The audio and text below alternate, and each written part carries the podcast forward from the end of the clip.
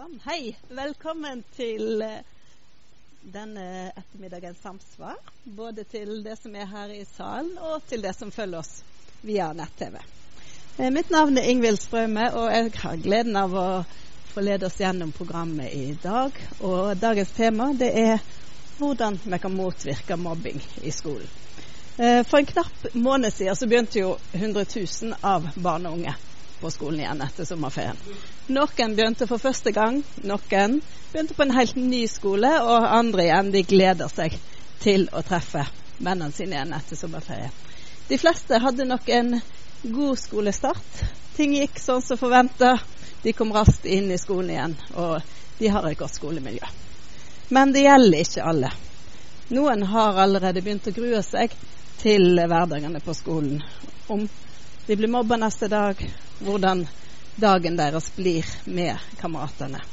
I elevundersøkelsen i 2017 så kom det fram at over 50 000 barn og unge i norsk skole blir mobba flere ganger i måneden. 40% svarer at voksne på skolen ikke engang visste om mobbinga. Og 16% sier at skolen visste det, men de gjorde ingenting med det. Så det jeg spør i dag, er hva gjør skolen i Norge så for å motvirke mobbing, og klarer de å stoppe mobbingen? Utgangspunktet for dagens samsvar er den ferske boka 'Elevenes psykososiale miljø'. Gode strategier, harde nøtter og blinde flekker i skolemiljøarbeidet.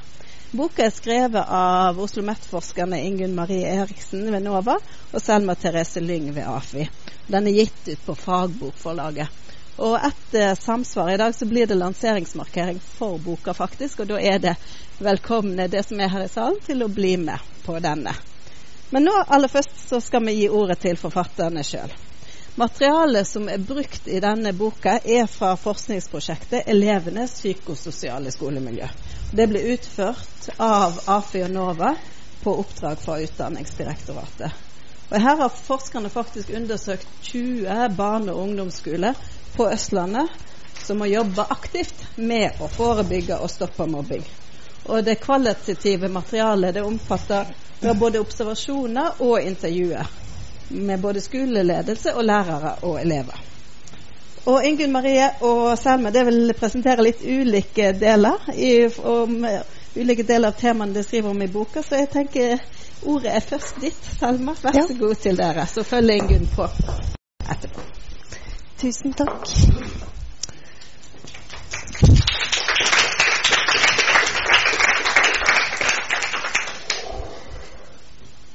Utgangspunktet her er at skolens ansvar og mandat når det gjelder skolemiljøarbeidet, både er komplekst og omfattende. Ifølge opplæringsloven så har eh, skolen plikt til å arbeide systematisk og kontinuerlig for å oppfylle elevenes rett til et godt skolemiljø som fremmer helse, trivsel og læring. Og I kjølvannet av Djupedal-utvalgets rapport så ble det tatt inn presiseringer i opplæringsloven som spesifiserer at skolen skal ha nulltoleranse for krenkelser, og at skolens aktivitetsplikt ikke bare handler om å handle riktig når noe oppstår, men faktisk innebærer at de må aktivt følge med på hva som foregår i elevmiljøet. Men selv om regelverket spesifiserer prinsipper og plikter, så krever det likevel lokale fortolkninger, skjønn og vurderinger av skolene for å oppfylle skolemandatet sitt. Og det gjelder både hva dette mandatet omfatter, og hvordan man skal arbeide. Og her er det mange skoler som syns det er utfordrende. Med denne boka så håper vi å bidra til innspill og refleksjoner. Og helt nødvendige diskusjoner, men også konkrete tips i skolemiljøarbeidet. Med vår sosiologiske forståelsesramme og en kvalitativ studie som rommer erfaringer og perspektiver fra både skoleledere, lærere og elever, så er målet vårt også å supplere et felt som i stor grad har vært preget av psykologiske forståelsesrammer og kvantitative studier. Med den korte tida vi har til disposisjon i dag, så må vi snakke i overskrifter. Eh, men vi skal si litt både om gode strategier, harde nøtter og blinde flekker. Skolene som inngår i materialet i boka, er eh, godpraksisskoler i den forstand at de gjennom systematisk arbeid har bedret skolemiljøet i tråd med anbefalte strategier og på måter som ligger veldig tett opp til de nye presiseringene i opplæringsloven. Og Det første vi skal se på, er de to hovedstrategiene som skolene gjennomgående har vektlagt, og hvordan de har gjennomført det i praksis. Den ene hovedstrategien handler om atferdsregulering. Hvordan man arbeider med å legge til rette for ønsket atferd og forebygge eller redusere uønsket atferd blant elevene. Et hovedelement i denne strategien er hvordan skolene snakker om at de har jobbet med å få inn nulltoleranseprinsippet som en del av skolekulturen som verdi. Og det handler både om holdningsarbeid med lærerne, altså personalet, hele personalet ofte, oss ikke glem rengjøringspersonalet, um, som handler om å ta alt og ta ting tidlig. Og bevisstgjøring og holdningsarbeid både blant lærere og elever om at eh, terskelen for hva vi forstår som krenkelser, skal være lav. Alle skolene vi har sett på, har også lagt vekt på å forbedre atferdsreguleringspraksisene sine, både i læringssituasjoner i klasserom og i friminutt. Og um, til grunn for dette arbeidet så ligger en felles tankegang om at løs struktur, utydelige regler og rammer og inkonsekvent sanksjonering det åpner for elevatferd og dynamikker med negative konsekvenser for relasjoner og det psykososiale miljøet. Samtidig så er det en gjennomgående oppfatning blant de voksne at eh, god og effektiv atferdsregulering handler ikke bare om grenser og kontroll. Det må gjennomføres med varme og omsorg. Og Derfor så har vi også valgt å bruke denne betegnelsen, eller det begrepet omsorgsfull kontroll, fordi vi opplever at det beskriver både idealet og praksisen til det disse skolene forsøker å få til, det elevene beskriver, og det vi observerte. Eh, dette handler om å opptre som tydelige, omsorgsfulle og autoritative voksne, som jo er et kjent begrep innenfor pedagogikken. Om å eh, prioritere positiv og regulere ved hjelp av positiv forsterking framfor kjefting. Eh, og samtidig være konsekvente i sanksjonering av regelbrudd. Og i friminuttet så er de tiltakene som går igjen, de er knytta både til inspeksjon og aktivitetstilbud. Og når det gjelder inspeksjon, så handler det både om kvantitet, altså økt voksentetthet, og det handler om å utvikle kvaliteten på den inspeksjonen som gjøres. Altså både å være aktivt oppsøkende og faktisk uh, følge med og følge opp, ha kontinuitet i de observasjonene som gjøres, og ha lav terskel for å bry seg og blande seg så er det også et viktig element dette med organiserte aktivitetstilbud. Og det handler både om tanken om at uh, ved å gi meningsfull sysselsetting så forebygger man negative episoder. Men det er også fordi at gjennom å ha organisert aktivitetstilbud på bestemte arenaer, så får lærerne også fulgt mye bedre med på hva som foregår. Så det er på en måte en satsing på disse risikoarenaene som vi vet. Den andre hovedstrategien dreier seg om relasjonsarbeid. og Her er det særlig fokus på lærer-elev-relasjonen. Dette er skoler som har satt av tid og ressurser til at lærerne skal bygge gode relasjoner til hver enkelt elev, og til å gi lærerne støtte i relasjonsarbeidet sitt. Mange praktiserer også det vi kanskje kan kalle en strategisk utnytting av relasjonskompetanse i personalet. Og det handler både om å fordele hovedansvar da, for eh, de etter hvilke elever man får til best relasjoner med. Men det kan også handle om at man har økt en sosialressurs, eller har en sosialfaglig personale som veileder eh, lærerne i relasjonsarbeidet og gir støtte når det blir ekstra utfordrende. Ved mange av skolene så var også ledelsen aktive relasjonsarbeidere, både i direkte kontakt med elevene, men også ved at de involverte seg aktivt i lærernes relasjonsarbeid med elever.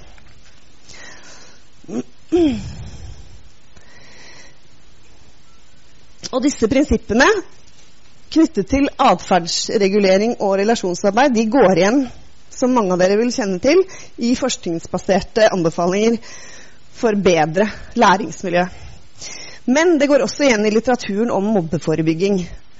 Og I denne litteraturen så anbefales disse strategiene med utgangspunkt i at voksnes oversikt og kontroll og klare grensesetting både i timer og friminutt gir mindre rom for negativ samhandling elevene imellom. Og at den autoritative og varme lærerrollen også påvirker omgangsformen blant elevene. Når det gjelder relasjoner, så er man opptatt av at gode relasjoner mellom, elev, mellom lærer og hver enkelt elev forebygger på en måte konkurranse- og statuskamper elevene imellom. Og at det også er så viktig fordi eh, undersøkelser viser at hvordan eh, altså den relasjonen læreren har til en elev, har utrolig mye å si for hvordan de andre medelevene oppfatter den eleven. Um, det var forskningen. Og lærerne og lederne i vår studie opplever også at disse strategiene har vært helt avgjørende for bedringen av skolemiljøet, og at det har gjort at de har gått fra brannslukking til å være i forkant og kunne jobbe forebyggende. Og f.eks. at de gode relasjonene til enkeltelevene er viktig både for å kunne avdekke når noe er under oppseiling, og også for å kunne jobbe godt med å stoppe krenkelser og mobbing når det først oppstår. Elevene gir også veldig tydelig uttrykk for at de setter pris på den intensive atferdsreguleringen og relasjonsarbeidet. Og de opplever at de har lærere rundt seg som får med seg og bryr seg med nesten alt, og kanskje litt for mye innimellom. Eh, og så å si alle elevene forteller at de har voksne på skolen som ser dem, og som de kan snakke med hvis det er noe. Dette er jo også ekstra tydelig i intervjuer med elever som har byttet skole fordi de har vært mobbet på en skole før. Og det er nettopp disse tingene de trekker fram når de sier at her er det så mye bedre. Så selv om vi i boka også trekker fram utfordringer og dilemmaer knyttet til hvordan skolene gjennomfører disse strategiene i praksis, så er et hovedpoeng i boka at disse strategiene er veldig viktige i skolemiljøarbeidet. Og et poeng med boka er også å vise mer i praksis hvordan det kan gjøres. Men samtidig så er det også et veldig viktig poeng i boka at skolemiljøarbeidet må suppleres med en tredje strategi, nemlig miljøbygging og arbeid med elev-elevrelasjoner. For selv om på en måte alle er opptatt av at godt miljø er viktig, og det ordet brukes veldig mye, så er hva det er, hva det innebærer, og hvordan man skal jobbe for å få til godt miljø, det er både vagt og undertematisert i skolefeltet og også i forskningen. Og dette er viktig, ikke bare for å kunne oppfylle skolens mandat faktisk om å skape et godt og inkluderende miljø, men det er også viktig fordi det er grenser for hvor langt vi kommer med disse to hovedstrategiene når det gjelder forebygging av mobbing og krenkelser. For uansett hvor intensivt lærerne jobber med å ha oversikt i timer og, fri, eh, og friminutt, så kan de ikke få med seg alt. Og selv om gode lærer- og elevrelasjoner har positiv innvirkning på samhandling og relasjoner elevene imellom, så treffer de ikke alle de sosiale dynamikkene som rutinemessig er i spill i skoler og i elevgrupper, og som skaper negative samhandlingsmønstre og lett kan bikke over i krenkelser og mobbing. Og Ingen skal etterpå gi eksempler på hvilke typer utfordringer og krenkelser og mobbing som gikk igjen som harde nøtter og blinde flekker selv ved disse godpraksisskolene. Men her skal jeg da bare nevne tre elementer som vi løfter fram i boka som fruktbare og viktige i utviklingen av miljøbyggingsstrategier. Eller strategier for det vi har kalt å skape det vi har kalt gyldige vi for inkludering og tilhørighet. Og her er vi særlig opptatt av å ha fokus på klassemiljø og kollektiv i klassen. Og det er fordi for det første så er klassen elevenes primærgruppe. Og for det andre så er det særlig mellom klassekamerater at mobbing foregår. Og for det første så skriver vi om at det ligger et stort potensial for å skape gyldige vi gjennom skolens kjerneoppgave, altså didaktikken. Og her bruker vi et begrep som er utviklet i det danske mobbeforskningsprosjektet Expus. Og hovedpoenget her kan ikke si så mye, men hovedpoenget er at man må tenke inn det sosiale når man planlegger og gjennomfører undervisning. Hvordan kan vi velge temaer og legge opp arbeidsformer på måter som skaper gyldig vi og fellesskap og opplevelse av inkludering og tilhørighet? For det andre så ligger det også et stort potensial i å videreutvikle sosiale aktiviteter. Det er jo sånn at Norsk skole har liksom et fast repertoar så å si, av sosiale aktiviteter som er ment å bygge miljø og fellesskap. Alt fra fadderordninger til juleball og klasseturer og idrettsdag og vennegrupper og læringspartner. Og også helt til de store kulturprosjektene. Men her mener vi at det er behov for å tenke nytt. Og det gjelder både i forhold til det å supplere med andre former for aktiviteter, men også å bli mer bevisst og gjennomtenkt på de sosialpedagogiske målene som disse aktivitetene er ment å ha, og hvordan man faktisk kan oppnå dem. Um, for det er jo ikke sånn at bare det å gjøre noe hyggelig sammen i seg selv fører til inkludering. Um, hvis det ikke gjennomføres disse sosiale aktivitetene med en tydelig regi fra de voksne, så risikerer man jo at det uh, får kontraproduktive effekter. At det snarere blir arenaer for forsterking av skiller og konflikter og utenforskap. Um, til slutt Det å skape gyldig vi handler også om å bidra til vennskapsrelasjoner. For mange elever er sosialt isolerte, det vet vi. Og det å være venneløs er ikke bare i seg selv et brudd på retten til å være del av et inkluderende eh, miljø og oppleve tilhørighet. Men det innebærer jo også en større risiko for å bli utsatt for krenkelser og mobbing. Og I boka så gir vi noen eksempler på eh, tiltak innenfor disse to siste Eh, elementene her.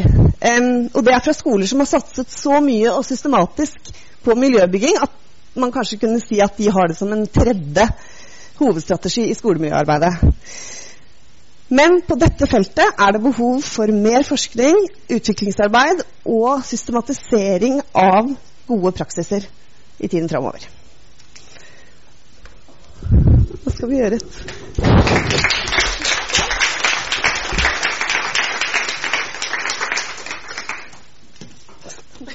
Du må nikke skikkelig hardt. her.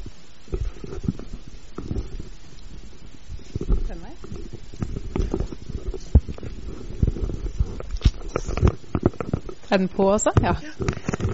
Hjelp. Kan du ta ut den? Vi skulle ha øvd oss på forhånd, helt åpenbart. Um, skal vi se pekeren. Ja, jeg fortsetter der Selma slapp, med å si noe om det vi har kalt for harde nøtter og blinde flekker. Fordi det er jo for å sette litt på spissen i fravær av en sånn type tredje strategi at vi ser at det går igjen noen av de samme type utfordringene som vi ser stadig vekk i nærmest alle de 20 skolene vi var på. Så da snakker vi om eh, utfordringer du kan kategorisere som enten harde nøtter, som vi tenker på som utfordringer som er vanskelige å løse, som krever mye oppmerksomhet og mye innsats. Men det er ikke mangel på, på kunnskap om disse utfordringene. Det andre vi tenker på, er blinde flekker, eh, som Enten går de bare under radaren, altså lærerne veit ikke om dem, eller, eh, og de er usynlige enten for eleven, kanskje også for læreren kanskje for, for alle. Eh, eller at skolene bagatelliserer eller opplever at dette her er ikke en krenkelse som teller som en krenkelse vi trenger å gjøre noe mer med. Og Nå skal jeg gå litt i dybden på eksempler på både harde nøtter og blinde flekker. Og det skal jeg gjøre fordi at dette her viser en del av de utfordringene som de hovedstrategiene ikke treffer. Altså Dette er det som, som er igjen, selv når man gjør alt riktig i henhold til forskningen. Eh, jeg skal også si noe om disse utfordringene nettopp fordi den, med den nye lovendringen så er det krav om aktivitetsplikt. Det er krav om nulltoleranse, og det er krav om at man skal ta elevens erfaring og subjektiv opplevelse på alvor. Um, blinde flekker så tenker vi på bl.a. krenkelser som ikke oppfattes som krenkelser. Eh, det kan være f.eks. Eh, det som vi så på flere skoler, at det er en tøff sjargong i guttemiljøet. Hvor det slenges mye dritt, rett og slett. Og hvor kanskje én elev opplever det som veldig krenkende. Men de andre gutta og kanskje læreren opplever det som noe som en må tåle. Og dermed så går man ikke videre med det, fordi det er en kulturell praksis som er sett på som helt grei. Det er ikke en krenkelse. Eh, annet, en annen utfordring er når det er uklart eh, maktforhold. Og det er jo sånn at Nesten alle skolene vi var på, var veldig tydelige på hvordan de definerte mobbing. Og det var typisk Olveus. Det er når det er én som har makt, som er mobber, og en annen som ikke har så mye makt, og som blir mobbet. Og så er det eh, dette ujevne maktforholdet gjør det på en måte tydelig, og det skjer over tid etc. Når det ikke er sånn, og det er ganske mange tilfeller at mobbesituasjoner ikke er så reine, så er det vanskeligere å se, og det kan også være lettere å gå videre uten å gjøre noe med det. Eh, et eksempel på det er når maktforholdet vurderes av en voksen som ganske likt men hvor det er en vond konflikt som går over tid, så så vi eksempler på at lærerne definerte det som noe de ikke trengte å gå videre med, fordi at det var konflikt og ikke mobbing. Um, en annen type uklart maktforhold er når det er mange som er involvert, og hvor det er rotete og skiftende dynamikker. og Det skal jeg komme litt tilbake til siden. En siste type blind flekk som jeg skal snakke om nå, er når elever oppleves som for sarte. I en samtale med noen lærere uh, så diskuterte vi litt hvordan de definerte mobbing på denne skolen. Og Da sa han ene læreren at uh, en elev kan bli dytta litt på og kalle det for, for mobba. Vi har et godt eksempel fra i fjor. Han som ble dytta rundt i gangene her. Han svarte på trivselsundersøkelsen at han ble mobbet ganske ofte. Og vi har ikke sett det i det hele tatt. Han navnga dem. Det var stakkars gutt, han som han navnga. Han var ingen mobber. Foreldrene var interessert i å få det ut av verden. I ettertid har vi hatt samtale med den gutten om hva som er mobbing. Han er veldig sår. Det skal ingenting til. Sart type. Ekstremt sart gutt. Jeg skal ikke gå veldig langt inn i dette, her nå, for det taler jo litt for seg selv. Men det er jo ikke noe tvil om at lærere oftest tar sånne utfordringer veldig alvorlig. og Det er jo ikke for å henge ut noen, men det er bare for å vise hvor vanskelig det er, og lett det er til at man bruker opplevelse av barn som startet, og ikke nødvendigvis ta erfaringen deres alvorlig. Og det eh, vi ser litt her, for hvis vi skal ta dette bokstavelig, så ser det ut til at lærerne har på en måte omskolert denne gutten i hva som er mobbing, og hva som egentlig var hans erfaring. Litt sånn tilsynelatende i ledetog med, med foreldrene, men nå skal vi ikke tolke altfor mye ut i dette her. Men jeg må bare si at det viktig å, å være klar over, og som er et av våre budskap i boka, er at sårbarhet der har eh, skolene et skjerpa ansvar, og ikke det motsatte. Men der er det også veldig lett at man går litt, eh, litt fort videre i sånne saker. Eh, den aller siste blindeflekken som jeg skal nevne, er når det gjelder gutters skjulte mobbing. Og her ser vi litt sånn uklar statistikk, faktisk. Mye forskning altså, som teller hvem som rapporterer om Altså det er utestenging, ryktespredning og baksnakking tenker man ofte på som elementer i skjult mobbing. Når man teller sånn, så får man ofte at jentene driver mer med den slags, og guttene driver mer med sånn type direkte mobbing som er slag og spark og sånne ting. Andre undersøkelser viser at det er guttene som driver mest med skjult mobbing, og også er oftest ofre for det. Uavhengig av hva man skal tro på og hva som er riktig, så er det i hvert fall helt sant at guttenes tilfeller av å være innblanda i skjult mobbing er ganske høyt. Og det strider veldig mot det vi opplevde da vi var ute og snakka med lærere og elever. For deres fortelling var veldig samstemt. At guttene de var enkle, gjorde opp for seg. Ferdig. Jentene derimot, der var det mye drama, og det var vanskelig, og der var det skjult mobbing. Så det virka som en sånn veldig enhetlig fortelling som står i strid med både statistikken, men også hva vi oppdaga da vi faktisk snakka med elevene. Og ikke bare fortalte veldig mange gutter om at de selv utestengte, de baksnakka, de spredte rykter. Men det som kanskje gjorde aller sterkest inntrykk, var når gutter selv fortalte at de var, hadde opplevd sånne ting. Um, Jon uh, fortalte han hadde bytta skole fra en skole hvor han hadde opplevd å bli mobba, som han selv fortalte, til en skole som fungerte selvfølgelig veldig bra. Dette var et gruppeintervju eller intervju med en kompis. Og han fortalte at det eneste problemet her er de supervennene. De er sånn skikkelig kompiser, så når det er bursdag, inviterer de oss. Men de bryr seg ikke så mye om oss. Og så sier han til kompisen sin da, Husker du Trond sin bursdag? Når Jarle kom, så gjorde de sånn her. Og jubla og ble kjempeglade. Og så kom jeg, og så gjorde de bare sånn her. Hei. Så det føles som vi er sånn der ubetydelige, og resten er bare kule. Eh, det hadde seg sånn at i, Hvis man ser på intervjuet med Jon og kameraten isolert, så var det kanskje bare dette eksempelet som kunne gi en indikasjon på at det var noe der. Det var ikke sånn at Vi tenkte umiddelbart at han ble mobba, men vi tenkte kanskje at han var ikke helt på topp i det miljøet. Men det var også en klasse hvor vi var, eh, gjorde feltarbeid. Vi var i klasserommet i tre uker.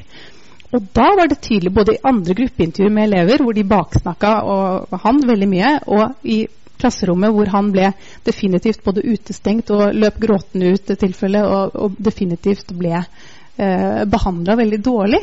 I definisjonen eh, på mobbing så kan man si at det var, det var ganske langt innafor. Eh, det som er interessant med Jon, er at han representerer et mønster som vi så ellers i materialet. Eh, for det første, gutter blir også utsatt for ryktespredning og baksnakking. Eh, tilsynelatende. Når de snakker om det i generelle vendinger, så snakker de bare ikke om det på denne måten. Derimot så snakker de om det typisk sånn som Jon gjør her. En veldig sånn individualiserende opplevelse at det var han som var ubetydelig. Han setter det ikke i system som at han blir mobba eller at det er et dårlig skolemiljø. Tvert imot. Han syns det er kjempebra. Han bare syns at han er lavest på rangstigen. Eh, og dermed så blir det hans ansvar og hans feil. Eh, og det å i utgangspunktet oppleve at man blir mobba, det er veldig vanskelig å innrømme for seg selv og for en lærer. Men i tillegg når du skal innrømme at du blir mobba på en måte som assosieres med jenter, så tror jeg kanskje at det kan være enda en ekstra terskel.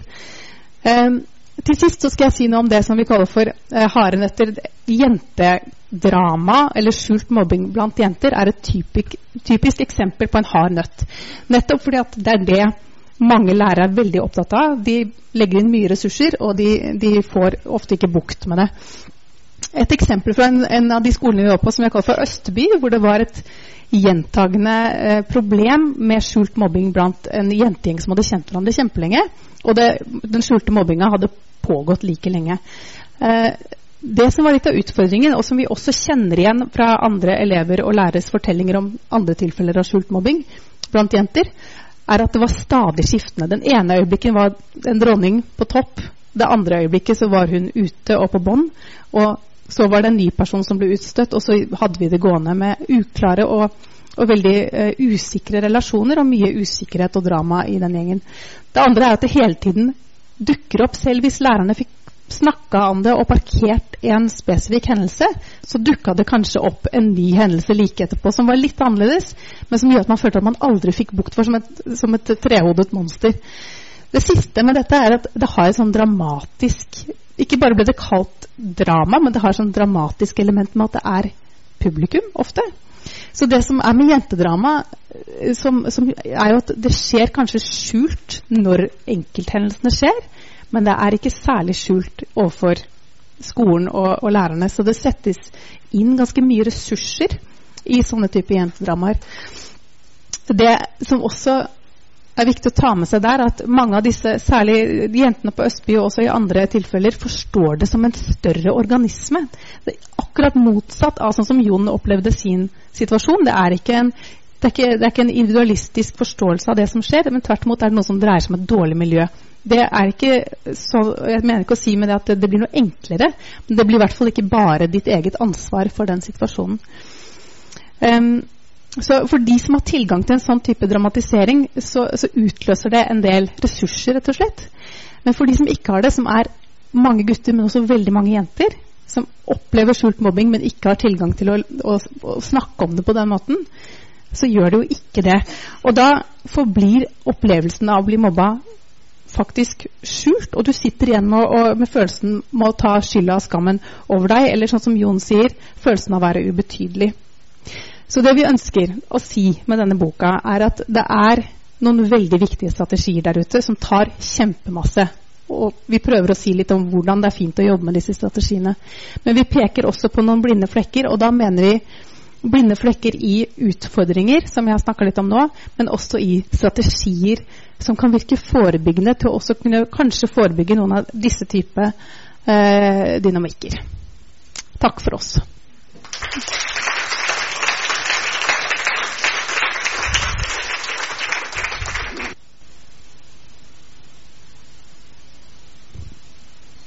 Takk skal det ha, Selma og Ingunn. Det var Veldig interessant. Det er veldig interessant å høre både om disse strategiene og hvordan de har jobbet systematisk. Men det er også veldig spennende hvis vi kan snakke litt videre etterpå om de harde nøttene og blinde flekkene, og få litt mer innspill fra de som jobber med det i praksis, og også fra salen. Vi skal ha en liten panelsamtale på slutten her, så da kan dere gjerne samle opp spørsmål hvis det har til de ulike innlederne. Nå er det Gro Lorentzen som skal få komme opp. Um, I det neste innlegget som Gro skal ha, så vil, vil vi spørre om det psykososiale er en blind flekk i kunnskapen om skolemiljø. Gro er stipendiat ved Institutt for grunnskole- og faglærerutdanning ved Oslo OsloMet og på Fakultetet for lærerutdanning og internasjonale studier. Og Hun etterlyser mer tverrfaglig samarbeid om det psykososiale skolemiljøet. Og hun spør om eh, er de nyutdannede lærerne rusta faktisk til å komme ut i skolemiljøet og jobbe med dette. Vær så god, Gro.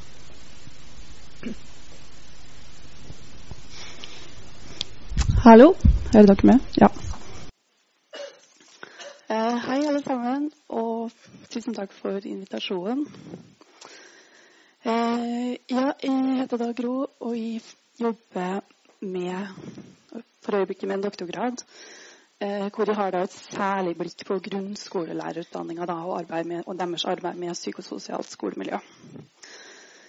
Jeg er jo sånn underveis i det arbeidet her, så jeg kommer ikke til å komme med sånne veldig bastante konklusjoner i dag. Men jeg, jeg tenker likevel at jeg har noen sånn strukturer da, som kan være viktig å, å løfte fram. Eh, men jeg vil først si tusen takk til eh, Selma og Ingunn for at dere har skrevet en så viktig bok. Eh, utover at dere identifiserer noen veldig viktige blinde flekker, Eh, så setter i hvert fall veldig stor pris på at dere har studert god praksis, og at dere har undersøkt skoler som i stor grad har lykkes med skolemiljøarbeidet. Eh, jeg tror det er et viktig bidrag for lærerstudentene våre at de får tilgang på den type kunnskap. Jeg er helt overbevist om at kunnskap om gode strategier er noe som kan bidra til å gi kanskje litt mer trygghet til studentene.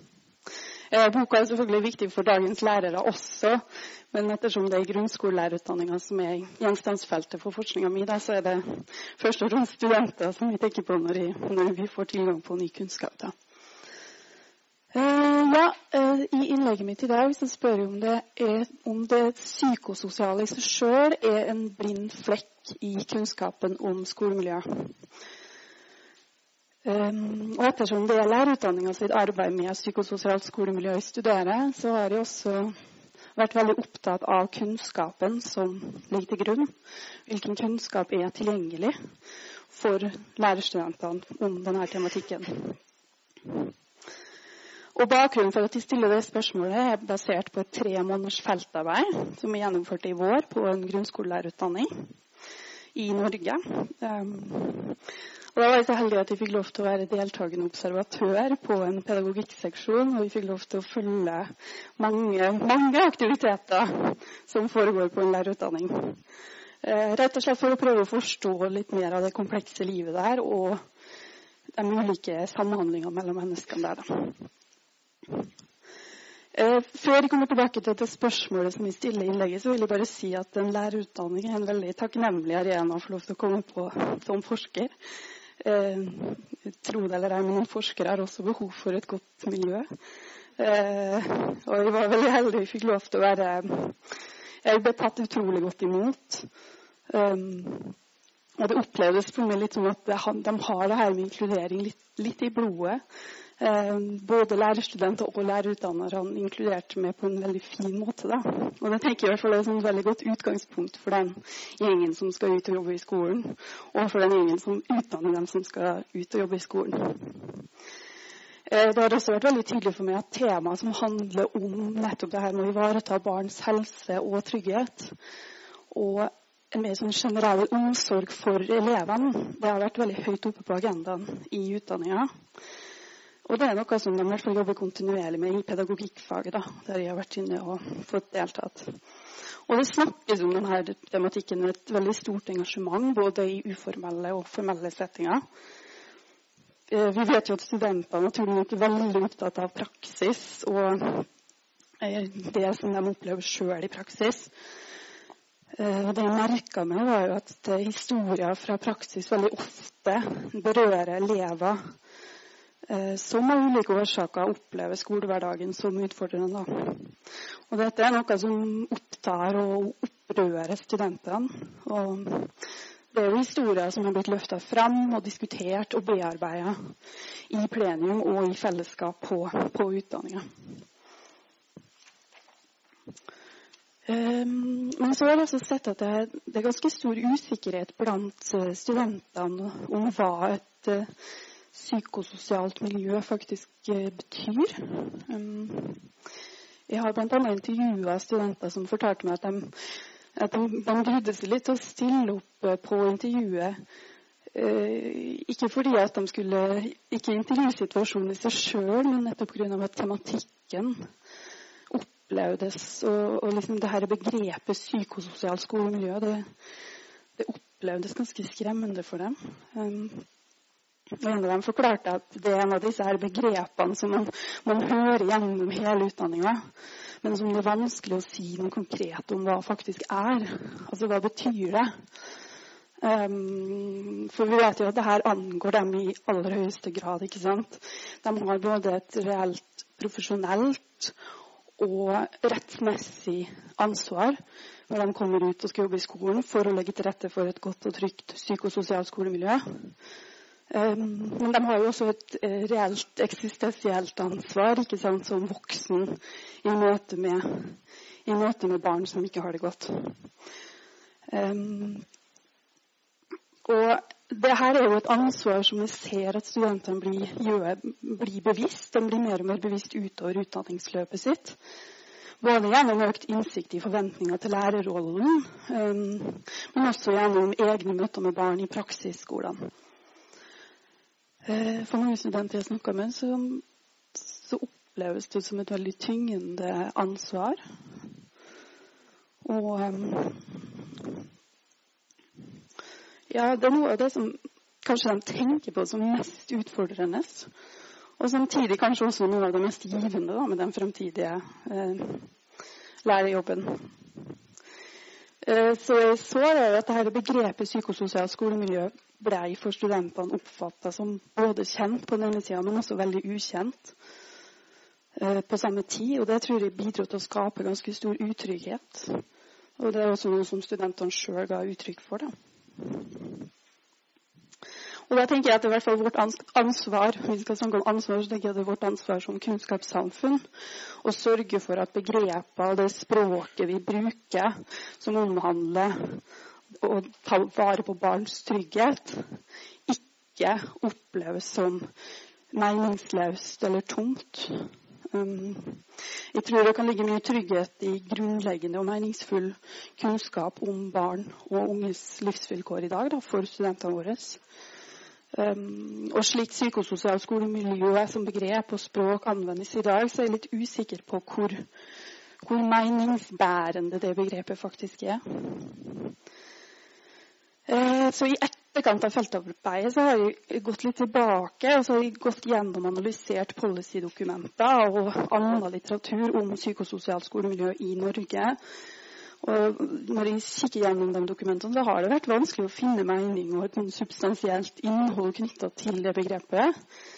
Um, det jeg ser, er at psykososial brukes som regel som et adjektiv for å betegne et miljø mens man kanskje i mindre grad tar inn over seg kompleksiteten og det potensialet da, som ligger i et begrep som faktisk framhever samspillet mellom psykologiske og eh, sosiale faktorer. Um, hvis man ser på tidligere dokumenter, så skilte man mellom et fysisk og et psykisk skolemiljø. Altså Man skilte mellom sant, noe fysisk, noe man ser klart foran oss, noe materielt, noe, noe objektivt. Og så noe psykisk som foregår gjerne på innsida. Det er immaterielt, det er subjektivt. Man kan ikke se det. Um, men så rett før kapittel A i opplæringsloven ble innført, det er jo det kapitlet som styrker elevenes individuelle rettsvern når det gjelder skolemiljø, så endra språket seg. da ser vi at et psykisk skolemiljø ble i policydokumentene erstatta med et psykososialt skolemiljø.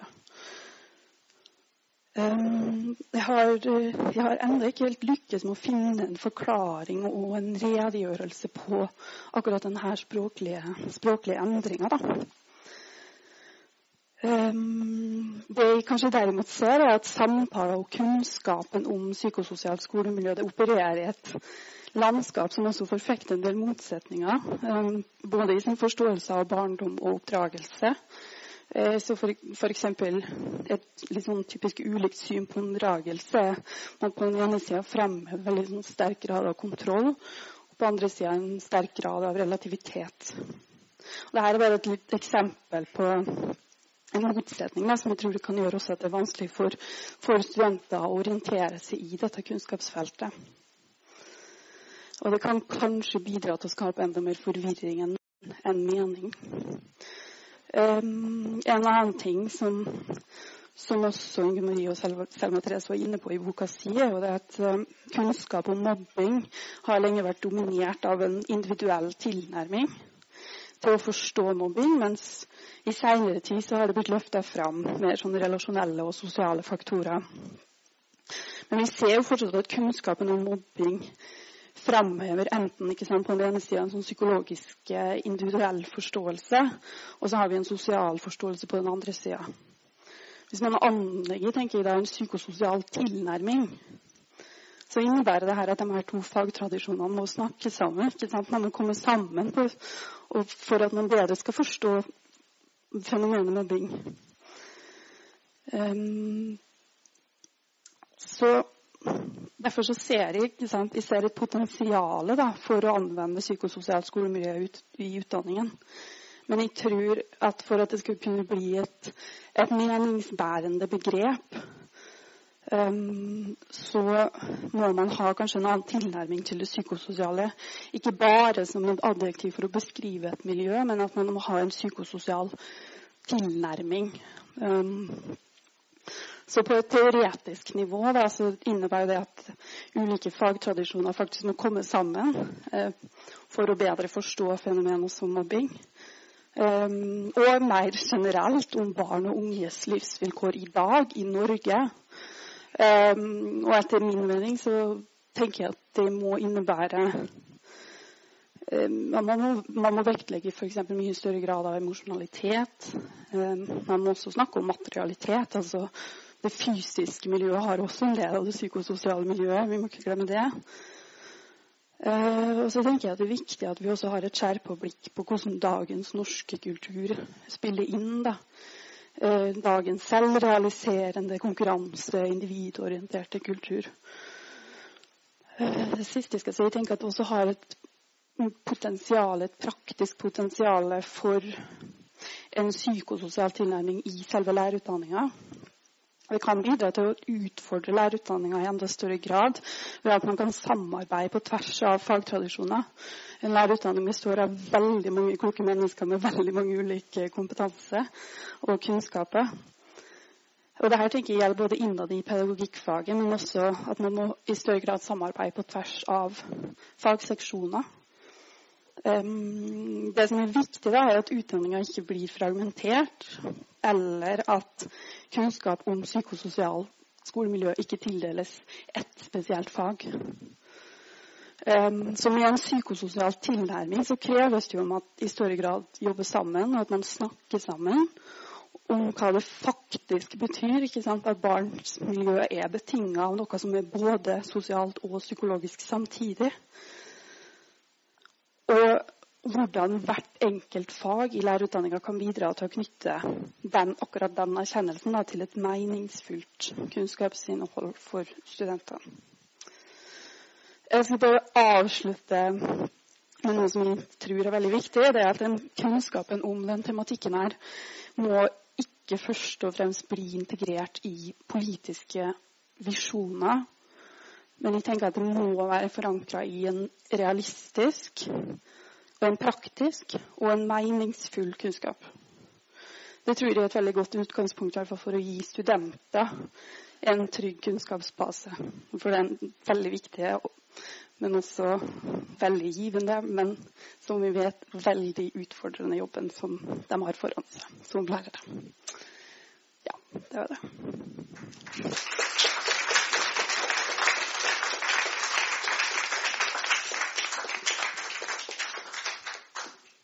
Takk skal du ha, Gro Lorentzen. Jeg tror vi fikk alle sammen en del gode, gode perspektiver på hva som er viktig i lærerutdanninga framover. Og det med tverrfaglighet jobber vi veldig mye med her ved Oslo OsloMet nå. og Det tar tid, og det er krevende. Og det tar tid da også å få utvikle dette inn i utdanningene. Så det er utrolig viktig område som blir forska på her. Eh, nå har vi altså hørt forskerne sine perspektiv på arbeidet med psykososialt skolemiljø og mobbing. Og nå skal vi få følge opp med kommentarer fra først Martin Johannessen, som er sosiallærer ved Nyskolen i Oslo og er blogger på lærerbloggen, og også sin egen podkast der han snakker om eh, skole. Og så etterpå vil eh, Bodil Jensen Haug, som er mobbeombud i Buskerud, følge opp med kommentarer. Så Vær så god, Martin. og gleder vi oss til å høre dine kommentarer til boka og til funnene her. Ja, det er fint at du gjør det. For jeg er også veldig sånn eh, Er den på? Ja, den er på. Jeg er veldig glad i, mm, i bøker og, og, forskning og studier og metoder og, og sånt. Men ja, det fins jo ekstremt mye sånt. Eh, og det vet ikke elevene noen ting om. Jeg aner ikke. I hvert fall ikke de aller yngste. De blir kanskje litt sånn opplært i det uh, etter hvert. Uh, men da uh, Mosse Jørgensen, som mange sikkert kjenner, starta Nyskolen for snart for 14 år siden, så var en av visjonene var at det skulle bli en mobbefri skole. Det var derfor hun hadde lyst til å starte en ny skole. Og det har vi jo ikke klart. I, ikke i det hele tatt. Og i jobben som sosiallærer så sitter jeg jo og ser det hver dag, egentlig. At det er eh, fraksjoner allerede fra det er ganske bitte små. Jeg skal ta et sånt eksempel på en sånn mobbemelding som allerede har kommet inn nå. Altså da, Med den eh, definisjonen uh, med at det skal være noe som har pågått over tid. Det har jo bare vært to-tre uker på skolen, men så er det allerede kommet inn mobbesak. Og det må vi selvfølgelig håndtere. Men det, eh, den der oppfølginga til eh, dokumentasjon med aktivitetsplikten og sånt, som er jo også superstreng, sikkert veldig nødvendig, men veldig strengt, at vi i løpet av én uke skal sette i gang tiltak som på sikt skal gjøre det bedre for elevene. Veldig skjerpende for oss, men det krever veldig mye dokumentasjon. Eh, I fjor hadde vi en sak som kom inn helt på slutten av året. Og da hadde vi over 100 sider uh, vedlegg til vårt svar da, til Fylkesmannen på det. Som er utskrifter av uh, e-poster fram og tilbake. Utskrifter av, uh, av tekstmeldinger skal de ha. Så det må man ha et system for. Så det er, det er veldig mye. Uh, men, og, og det, er, det, er, bra. Vi må jobbe med dette. Men det er vanskelig, kjempevanskelig, syns jeg i hvert fall. fordi altså disse ungene de, Jeg pleier å si at de liksom, er inne i et sånn stort sakskompleks. Så da sitter mamma og pappa og snakker med meg, og så er de ute og blir erta i skolegården. Mens vi sitter og blir enige om hva som er lurt å gjøre. da. Og så må jeg møte med det andre foreldreparet, som det har vært de slemme, f.eks., eller omvendt. Veldig mye møte og referat fra hvert møte, og det skal selvfølgelig ned i mappa. Og det Er det gjenkjennelig? Er det, er, er det, mange, er det noen her som jobber i skole? Eller på ja. Kjenner igjen? Ja. Eh, det er bra, for da vet dere hva dere skal gjøre. Da kan dere jobben deres. Det er veldig, veldig bra. Men jeg tenker på Det hjelper nesten ingenting å jobbe mot mobbing og, og, for et godt skolemiljø hvis du ikke har gode relasjoner. Det er jo selvfølgelig Alle som jobber med, med barn og ungdom og mobbing og miljø, vet at det er superduper viktig. Men det er ikke bare eh, den relasjonen eh, lærer-elev. Det er også den lærer-foresatt. Den er viktig, den. For når du skal sitte på møte med det foresatte som både er foresatte til barnet som blir mobba, og foresatte til barnet som mobber, som jeg har god relasjon til begge to. Men hvis vi skal løse opp i det, så må de foreldrene ha god relasjon til hverandre. Da kan man løse det opp. Og det er på en måte et av de Ja, det, jeg tar det helt på slutten.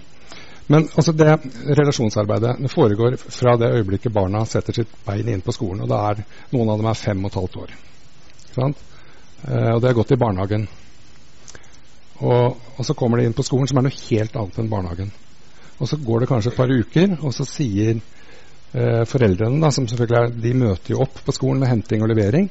Det gjør de ikke i 5. klasse, så da mister man det. Men det er derfor det er så viktig å ta dem imot når de er små. Men hva var det jeg sa sist? Jeg glemte det. Jo, men det er altså relasjonen med foreldrene som er så viktig. Også det foreldre-forelder. Det, så, det nesten, går nesten ikke an å si hvor viktig det er. For når du skal løse opp i en mobbesituasjon, som helt sikkert vil komme, så er du nødt til å ha det på plass. Og da må man være litt sånn uredd også overfor uh, foreldrene. Man må tørre å si til dem at vet du hva, sønnen din han, var, uh, han slo slo lille Per, eller Espen. Han er bare fem og et halvt år, og barnet ditt er åtte. Så det må bare kutte ut med med en gang. Men hvis jeg på en måte har vært i en konflikt med den uh, pappaen da, tidligere, så vil ikke pappaen ta imot det rådet fra meg. Det er litt dumt. Jeg pleier å invitere alle til møte. Da Da har vi møte neste onsdag. Så er det møte rundt bordet inne hos meg. Og da er selvfølgelig målet at de skal bli eh, slutte å slå Vet du hva jeg pleier å foreslå som, som sånn løsning? På, sånn, jeg har hatt en del akkurat lignende saker. Jeg foreslår at de leker sammen i pausene istedenfor å slå hverandre. Og det er det ikke alltid de har tenkt på. At de kunne gjort det. Det er det jeg hadde lyst til å si.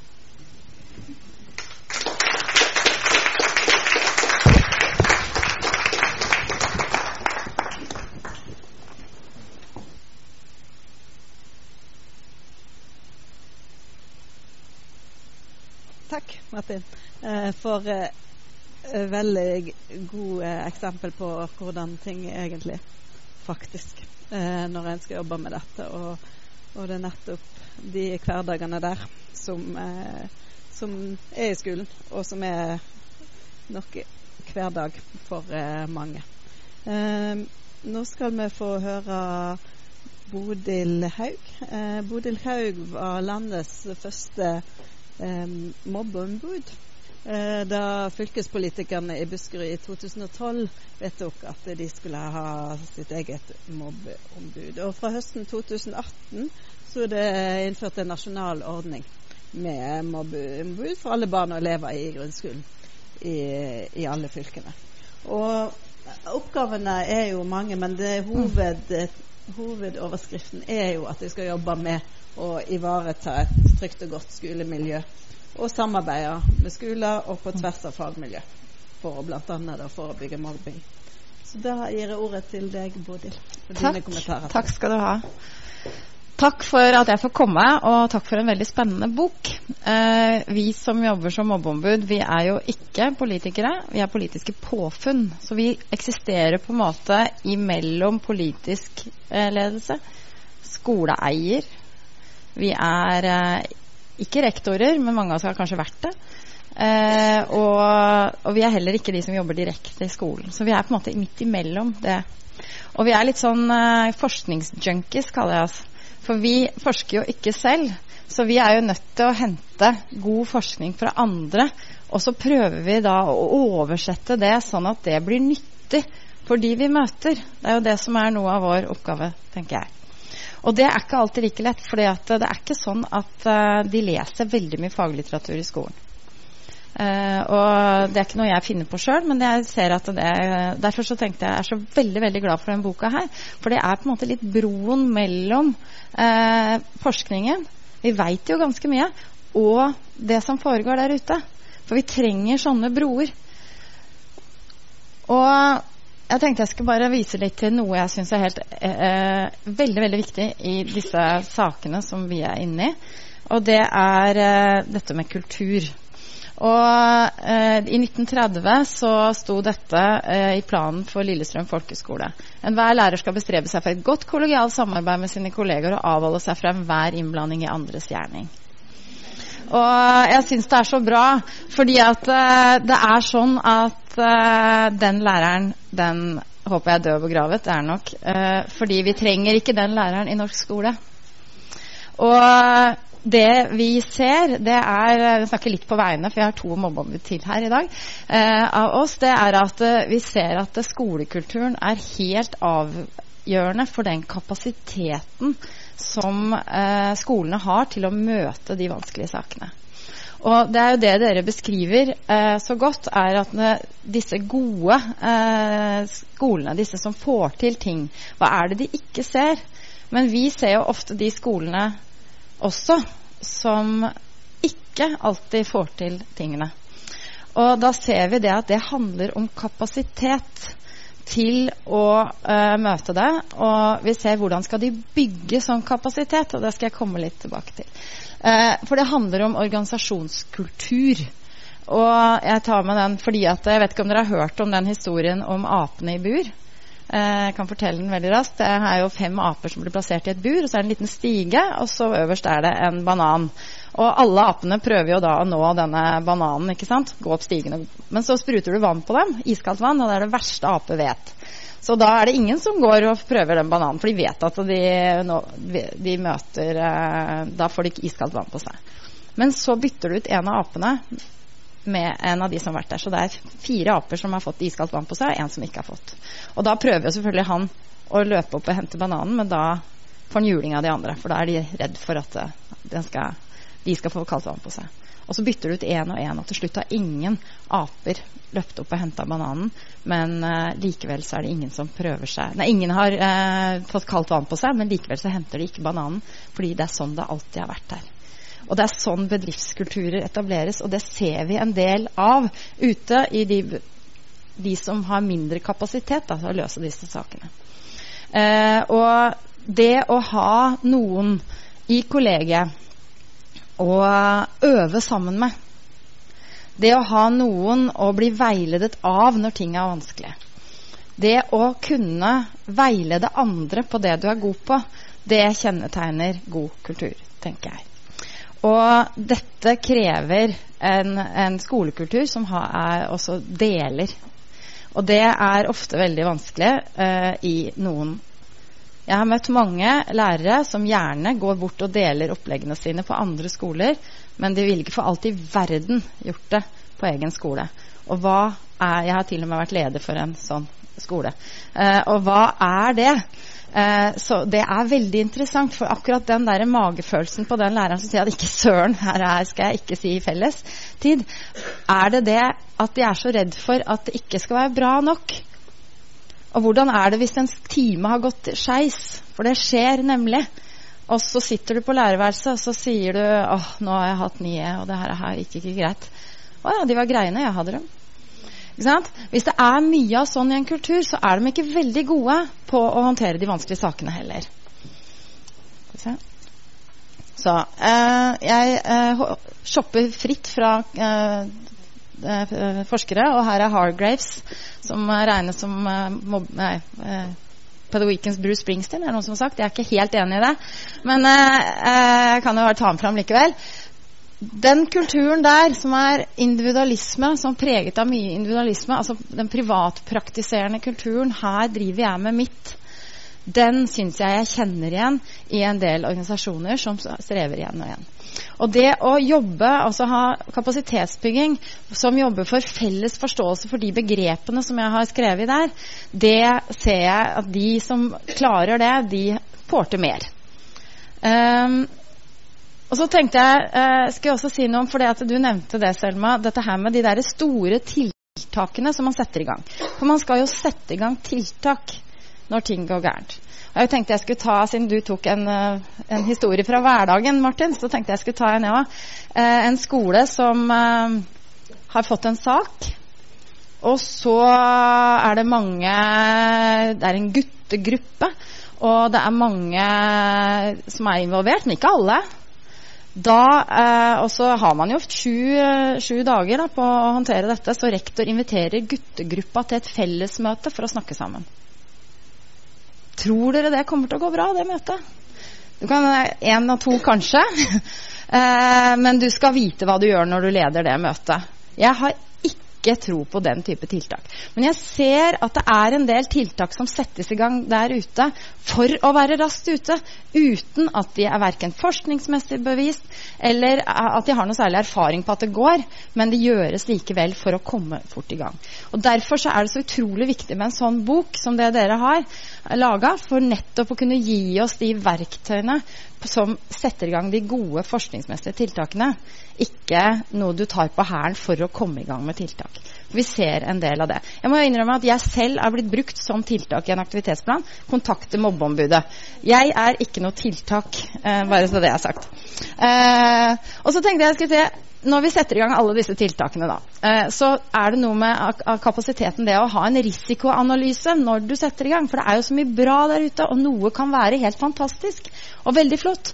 Men så kan det også gå gærent. Et eksempel på det er denne, dette her er tallerkenøvelsen. Har dere sett det noen gang? At alle sammen skal få en sånn tallerken på ryggen, så skal alle sammen gå rundt og skrive noe positivt. Og så sier hun her jeg var litt lei meg fordi jeg fikk så mange meldinger på at jeg var så flink til å presentere, men M, eh, venninna, eh, fikk kommentarer for hun var en god venn og pen og sånn. Hva sier det om eh, egentlig det som har skjedd? Jo, du har gjort noe fint for klassen. Ja, ja, klassemiljøtiltak. Sjekk. Eh, og alle fikk noe fint, gode kommentarer, så man kan jo være veldig fornøyd med det. Men det du egentlig har gjort, er jo å flytte maktspillet eh, inn på den arenaen som du godkjenner. Ser du det? Uh, og her er et sånn annet eksempel som lærere gjør. Her er Kjempepositivt. Uh, har dere sett han? Han har sånn der, uh, håndhilsing med alle. Og det er jo veldig bra. Men hva hvis han glemmer for én person? Eller den ene har en litt sånn teit måte å gjøre det på som regnes som teit av de andre. Da plutselig er det med å forsterke en dårlig maktbalanse. ikke sant? Så man skal ha risikoanalyse før man setter i gang. Jeg sier ikke at det er dumt. Det er kjempebra. Jeg ville aldri turt det, for jeg veit jeg hadde glemt det etter nummer tre. Ikke sant? Så man skal, at man har med seg litt sånn uh, Så risikoanalyse er en del av kapasitetsbyggingen til skolen. da. Det her er Stine Kaplan Jørgensen fra Århus som har, uh, har forska på dette. her. Jeg syns det blir bedre og bedre jo mer jeg leser det. Man kan slå hardt med tilsynelatende positive ord og handlinger. Uh, F.eks. når jeg spurte en jentegjeng uh, som er rundt min egen datter, som nå går i første klasse videregående, kjenner dere igjen? Ja, det der kjente de veldig godt igjen. Og ramsa opp en del sånne jeg syns du har blitt morsommere. Jeg syns du har blitt god til å lukte makrell. Jeg syns du er lettere å jobbe med. Du gjør noe nå. Dette her er helt eksempler, gode eksempler på hvordan man er positiv, men egentlig negativ. Og det handler om å bygge sensitivitet til å se disse tingene, og det syns jeg dere beskriver godt. I, og jeg tenker eh, ja, Premisset for inn- og uteksklusjon repeteres med lærerens velsignelse. Det er Stine Kaplan Jørgensens ord, ikke mine. Nok en gang forskningsjunkie. Henter herfra og derfra. Så det å bygge kapasitet det handler jo om også å, å, være sensitiv for sånne ting. Og det krever gode kulturer for å klare det. For det krever at man må sette seg selv litt til side og se på et gyldig vi, ikke bare for elevgruppa, men også for lærergruppa. Så jeg tenkte bare avslutte. Uh, det her er ting som virker. Uh, og det som er morsomt, det er jo at dette er ting som virker uh, både for Og det er ikke jeg som har sagt det heller, men det virker både forebyggende mot mobbing, og det virker forebyggende altså et, i et spesialundervisningsperspektiv, og det virker forebyggende for eh, det meste som foregår i skolen. Og dette har vi hørt før. Og det som er interessant, som dere har sagt også, at heng, alt henger jo sammen med alt. Det er ikke sånn at mobbing er noe eget felt som man må ha på noe helt for seg selv. Det henger sammen med den didaktiske fagarbeidet som gjøres på skolen. Og det må vi presse på at blir en del av fellesskapet og en del av helheten vi jobber med i skolen. Det er ikke en sånn egen, egen uh, hefte som vi er nødt til å drive med. Det er en del av det hele. Hvis man får inn det i det didaktiske arbeidet på skolen, så tror jeg vi har kommet et godt stykke. Og så, Hvis man ikke får til noe av dette, så kan man jo kaste seg på en av de mange tiltakene som uh, man presenteres for. Uh, senest siste uka så er jeg presentert for mange mer eller mindre forskningsbaserte. og Som et eksempel på de alle, så skal jeg vise det veldig fort. Be Best, har dere hørt om det? Har dere hørt om det? Det er Melania Trumps strategi. Helt uten basert på forskning. Så jeg avslutter med Astrid Lindgrens iblant måste man gjøre saker man ikke våger, annars er man inte ett människa, bara en liten lort', sa hun. Og det syns jeg mye av dette arbeidet handler også om det. Tusen takk for meg.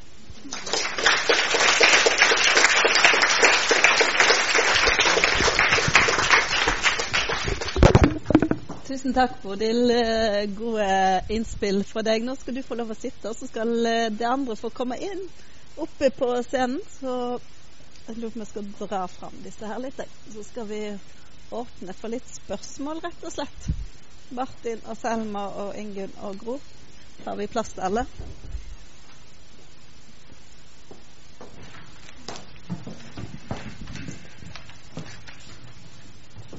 Nå må det bare vifte med en arm, så vil eh, Katrine komme rundt med mikrofon til de som har spørsmål eller kommentarer. Jeg skal bare begynne helt innledningsvis. For det som slår meg, er jo at det er, det er mange strategier det er beskrevet. Det er ulike hverdager og realiteter i praksis her, som Martin har vært inne på, og som de alle har vært inne på.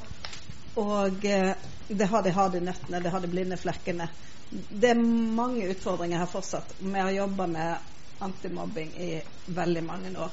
Hva er det det tenker at det skal til for å faktisk skape varig endring i skolemiljøet på skolene? Hva er deres beste råd?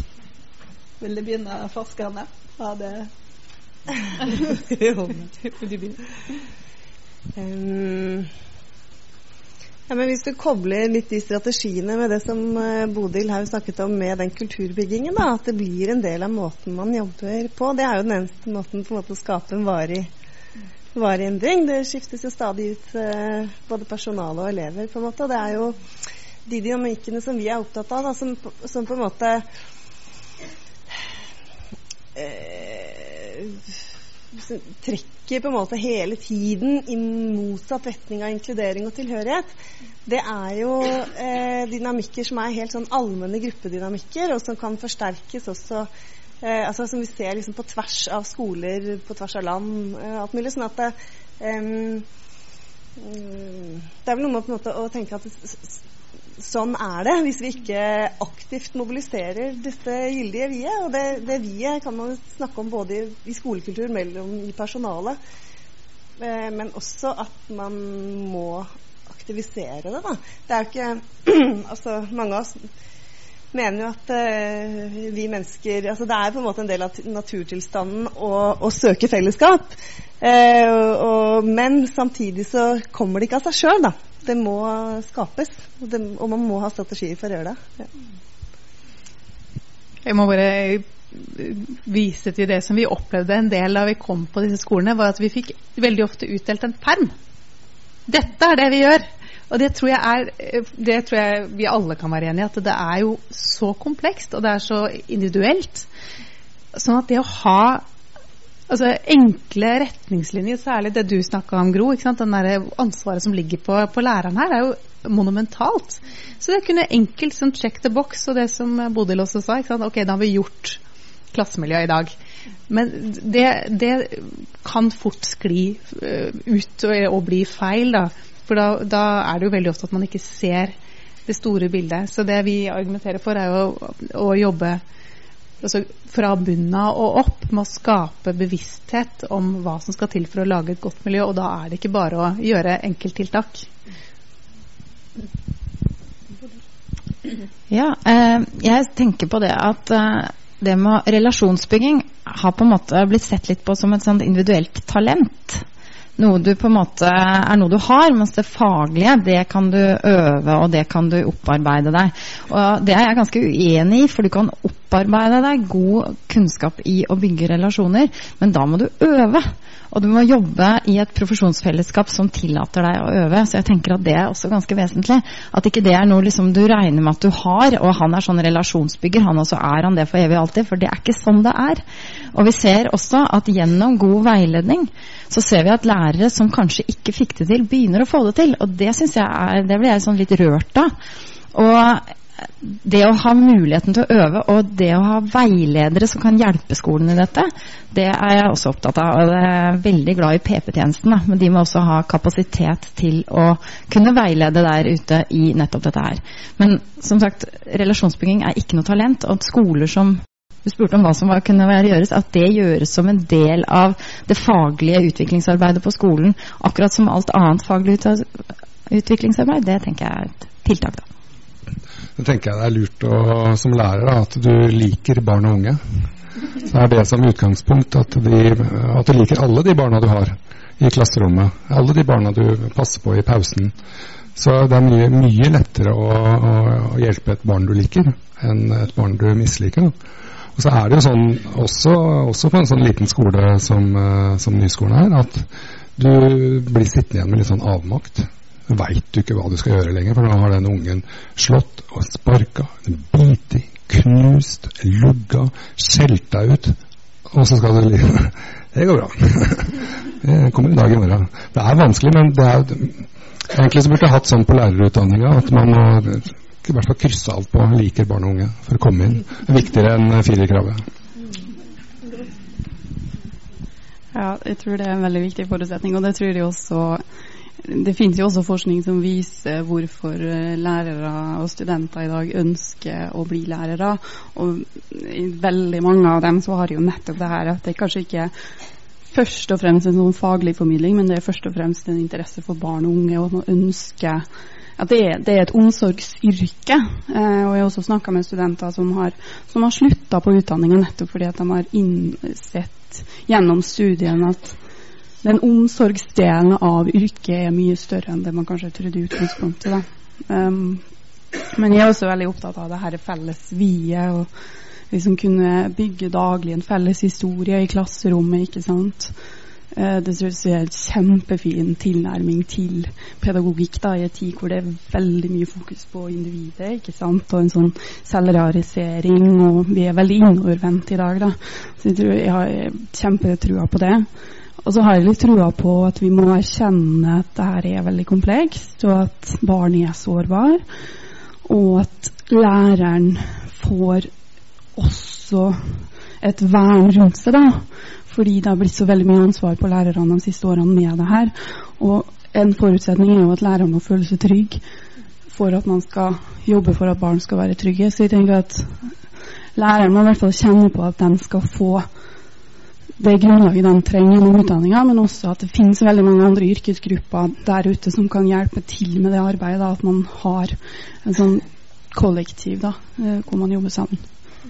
En kommentar til, så skal vi åpne for spørsmål fra salen. Så jeg er både enig og uenig. Altså, det er jo veldig fint å si at uh, du må like barn og alle barn. Det er jeg helt enig i. Men så er det den derre Jeg tror noe av clouet her er jo den derre skammen du kjenner på når du ikke gjør det. Ikke sant? Uh, og det er jo de sakene hvor man begynner med det jeg kaller uh, skyldsisten. At det er noen andre som har skylda, med de foreldra, med de, den ungen, med den bakgrunnen osv. Og, og det å ha, være så ærlig med seg selv eh, som profesjonell utøver og si at nå har jeg så vanskelig forhold til dette barnet eller til de foreldrene at nå trenger jeg hjelp. At det må være rom for i et profesjonsfellesskap å si det. For hvis man da kjenner på at jeg Disse fikser jeg ikke nå. De pirker noe i meg som jeg ikke klarer å agere profesjonelt på.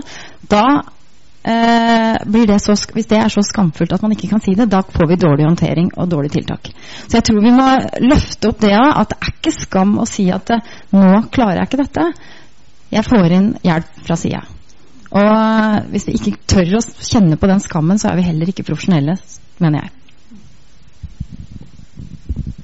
Nå må vi åpne for spørsmål. Katrin der først, og så der. Takk. Eh, tusen takk for gode presentasjoner. Mitt spørsmål går til Eriksen. Um, du har skrevet en forskningsartikkel som heter 'Power of the Word', der du um, drøfter litt uh, de problemene som kanskje oppstår når man har en fast mobbe, mobbedefinisjon, som vi jo har hatt nå i ganske mange år. Uh, og at selv om loven nå åpner for at man skal forstå mobbing og krenkelser liksom i større, et større perspektiv, så, så, ser jo vi at eh, de blinde flekkene og harenøttene de oppstår jo når skolen blir veldig låst til mobbedefinisjonen. Eh, og som dere jo pekte på, Den er jo kvantitativ og psykologisk betinget, så at den rommer jo ikke det skolen nå skal romme, jf. Eh, eh, NYA 2. Så det jeg lurer på om du kunne sagt litt om den forskningsartikkelen, kanskje, og bare liksom kort gjøre rede for om du eh, mener at blinde flekker og hardnøtter oppstår pga. at vi har vært fastlåst i en individualiserende mobbedefinisjon. superkjapt gjennom den uh, artikkelen. Så jeg prøver å altså vi, vi, spurte jo alle voksne og barn om hvordan de definerer mobbing. Så grunnlaget her var jo at de aller fleste snakka jo om mobbing på den samme måten, nemlig Olveus definisjon, som er ganske tydelig i eh, en individualiserende forståelse av hva mobbing er. Og kort sagt så var jo det som eh, vi fant, var vel at både voksne tillegger den definisjonen mye definisjonsmakt. Altså den, litt som jeg var inne på da jeg snakka i stad, at den definerer ofte, oftere enn det den burde, hva man går videre med. Eksempelet som jeg snakka om i stad, med et maktforhold som ikke var tydelig definert, det, var, det kommer fra denne uh, artikkelen bl.a., hvor man ser da at ok, det var jo ikke noen som var sterkere enn den andre her, så da velger vi å la være å gå videre i den saken. Så på den måten så fikk mobbebegrepet mye makt i hva som faktisk skjer av tiltak. Men vi så også at mobbebegrepet får mye makt for elevene, men da får det et helt annet uttrykk. For jeg tror nok elevene plukker opp at ordet mobbing, der er det noe magisk som skjer. Nesten for å sette litt på spissen at hvis du sier mobbing, så skjer det noe. Og dermed så, så, så vi også at lærerne kontrollerte veldig hvordan elevene skulle definere mobbing. Apropos den sarte gutten. ikke sant? At vi kan ikke la det skli ut. Det fører med seg mye papirarbeid, og det fører også til at vi, det er vanskelig å definere hva som faktisk har skjedd der. Så ja, det er, det er, jo i og for seg viktig at de forstår hva som ligger i ordet, men det gjorde også at elevene la mye i det der med, med å bli mobba. sånn at vi så at når elevene snakka sammen, så brukte de ordet mobbing også i, i altså kniving og relasjonsstatusjag uh, si, mellom seg. sånn at man kunne snakke om ja, hun har jo blitt mobba, men hun har ikke egentlig blitt mobba. Eller hun forklarer noe om at uh, altså, hun har blitt mobba, så du må liksom forstå henne ut ifra det. Det tillegges utrolig mye uh, verdi, og også brukes til, til um, altså, um, en slags faktisk mobbing igjen, da, eller, eller krenkelse til andre. F.eks. å si at ok, du har faktisk ikke blitt mobba fordi du er bare så teit. Og da på en måte tar du vekk uh, altså, hele, hele, forståelsen av, av det å bli krenka og gjør det til en individualiserende forståelse da, som, som, er utrolig vanskelig å, bare vise hvor mye makt det begrepet har fått. Jeg, nå skal jeg prøve å ikke snakke så mye mer om det, men ja, det kan vi snakke mer om. Jeg vil bare tilføye det at jeg opplever at det er et veldig aktivt handlende begrep. Og det kan også føre til at man overser nettopp det her med skjult mobbing, da, eller, eller, utfrysning, ikke sant, som ofte er en ikke-handling. Ikke sant? Og det er kanskje noe av, av det verste vi mennesker og barn kan oppleve. Det å bli isolert og ikke eksistere. Den følelsen er veldig grusomt, i hvert fall for et barn. Um, så det, er litt, jeg er opptatt av at det viktigste må være å å ha blikket for om et barn har det bra eller ikke. Eh, så får definisjon være definisjon, og det er jo viktig at vi jobber med definisjoner. Vi må på en måte kunne ha noen kategorier og ha noen definisjoner som forskere òg, men det er viktig at vi ikke glemmer det. Det handler om at har man det bra, har man det ikke bra. Ja, Nyskolen vi gjør alt på en sånn litt annen måte. Så vi har en annen mobbedefinisjon også, som er omtrent sånn som at Eh, mobbingens kraft og egenart kjennetegnes ved at, at man er avhengig av å støte ut sine egne. Altså, ja, altså Mobberne er avhengig av å ha noen å støte ut i sin klasse eller i sin gruppe. Du blir jo f.eks. ikke mobba av en elev fra naboskolen. Du blir mobba av noen nesten alltid, eller i hvert fall mest, fra din egen klasse, og i hvert fall fra din egen skole. Så det er en sånn ja, liten vri på det der med at det er, om maktforholdet er skeivt eller ikke, det spiller egentlig ikke noen rolle. Det er den opplevelsen som ungene har, som, som betyr noe. Og som lærer, og i hvert fall som sosiallærer, så er det jo måte, jobben min å tro på det barna sier. Jeg trenger ikke være enig, men jeg må tro på det, for det er sannheten fra han eller hennes ståsted, og den må jeg jo ta med meg. Og så kan jeg snakke med de andre som kanskje har et annet ståsted, som jeg tror på det òg. Så må vi finne en løsning sammen. En overgang der er jo nettopp det. I den definisjonen der da, så ligger det også noen tydelige antakelser om årsak. på en måte. Og jeg tenker at det, det er viktig å, øh, å, på en måte diskutere definisjonen som ligger til grunn, men det jo, når det gjelder individualisering, så er det også noe med hvordan det har vært forklart, og hvordan vår forståelse av mobbing som fenomen former det vi ser og ikke ser. Og Der tenker jeg også at det er gode grunner da, til å slippe til flere. Der trenger vi mer liksom, fortolkningsrepertoar da, som også går på de sosiale dynamikkene knytta til gruppe, enn det som det har vært vanlig til nå. Da. Mm. Spørsmål fra Sanja? Ja. Takk for uh, gode presentasjoner og tankevekkende kommentarer også. Uh, jeg syns det er veldig spennende at vi får lærerutdanningsperspektivet inn i det her, så jeg er veldig glad for det. Så jeg har et spørsmål til deg, Gro. For jeg oppfatta at du sa litt eh, basert på grunnlærerutdanninga, sånn jeg forsto det, uh, om at dette ordet med psykososialt miljø er vanskelig. Men så vidt meg bekjent så ligger det jo i rammeplanen for lærerutdanninga at mobbing og krenkelser skal være en del av lærernes kompetanse. Så kunne du sagt litt om hva du har observert. Oppfatter du at dette er dekket godt i lærerutdanninga som du har sett på det? Ikke bare begrepet psykososialt miljø, men mer tematikken overordna. Ja, altså nå har jeg vært tre måneder på én pedagogikkseksjon. Um, og basert på det så vil jeg jo si at det er en, en som vi var inne på, det er en tematikk som, som både lærerutdannere og studentene er veldig, veldig opptatt av. Um, og inngår som en del av, av utdanninga.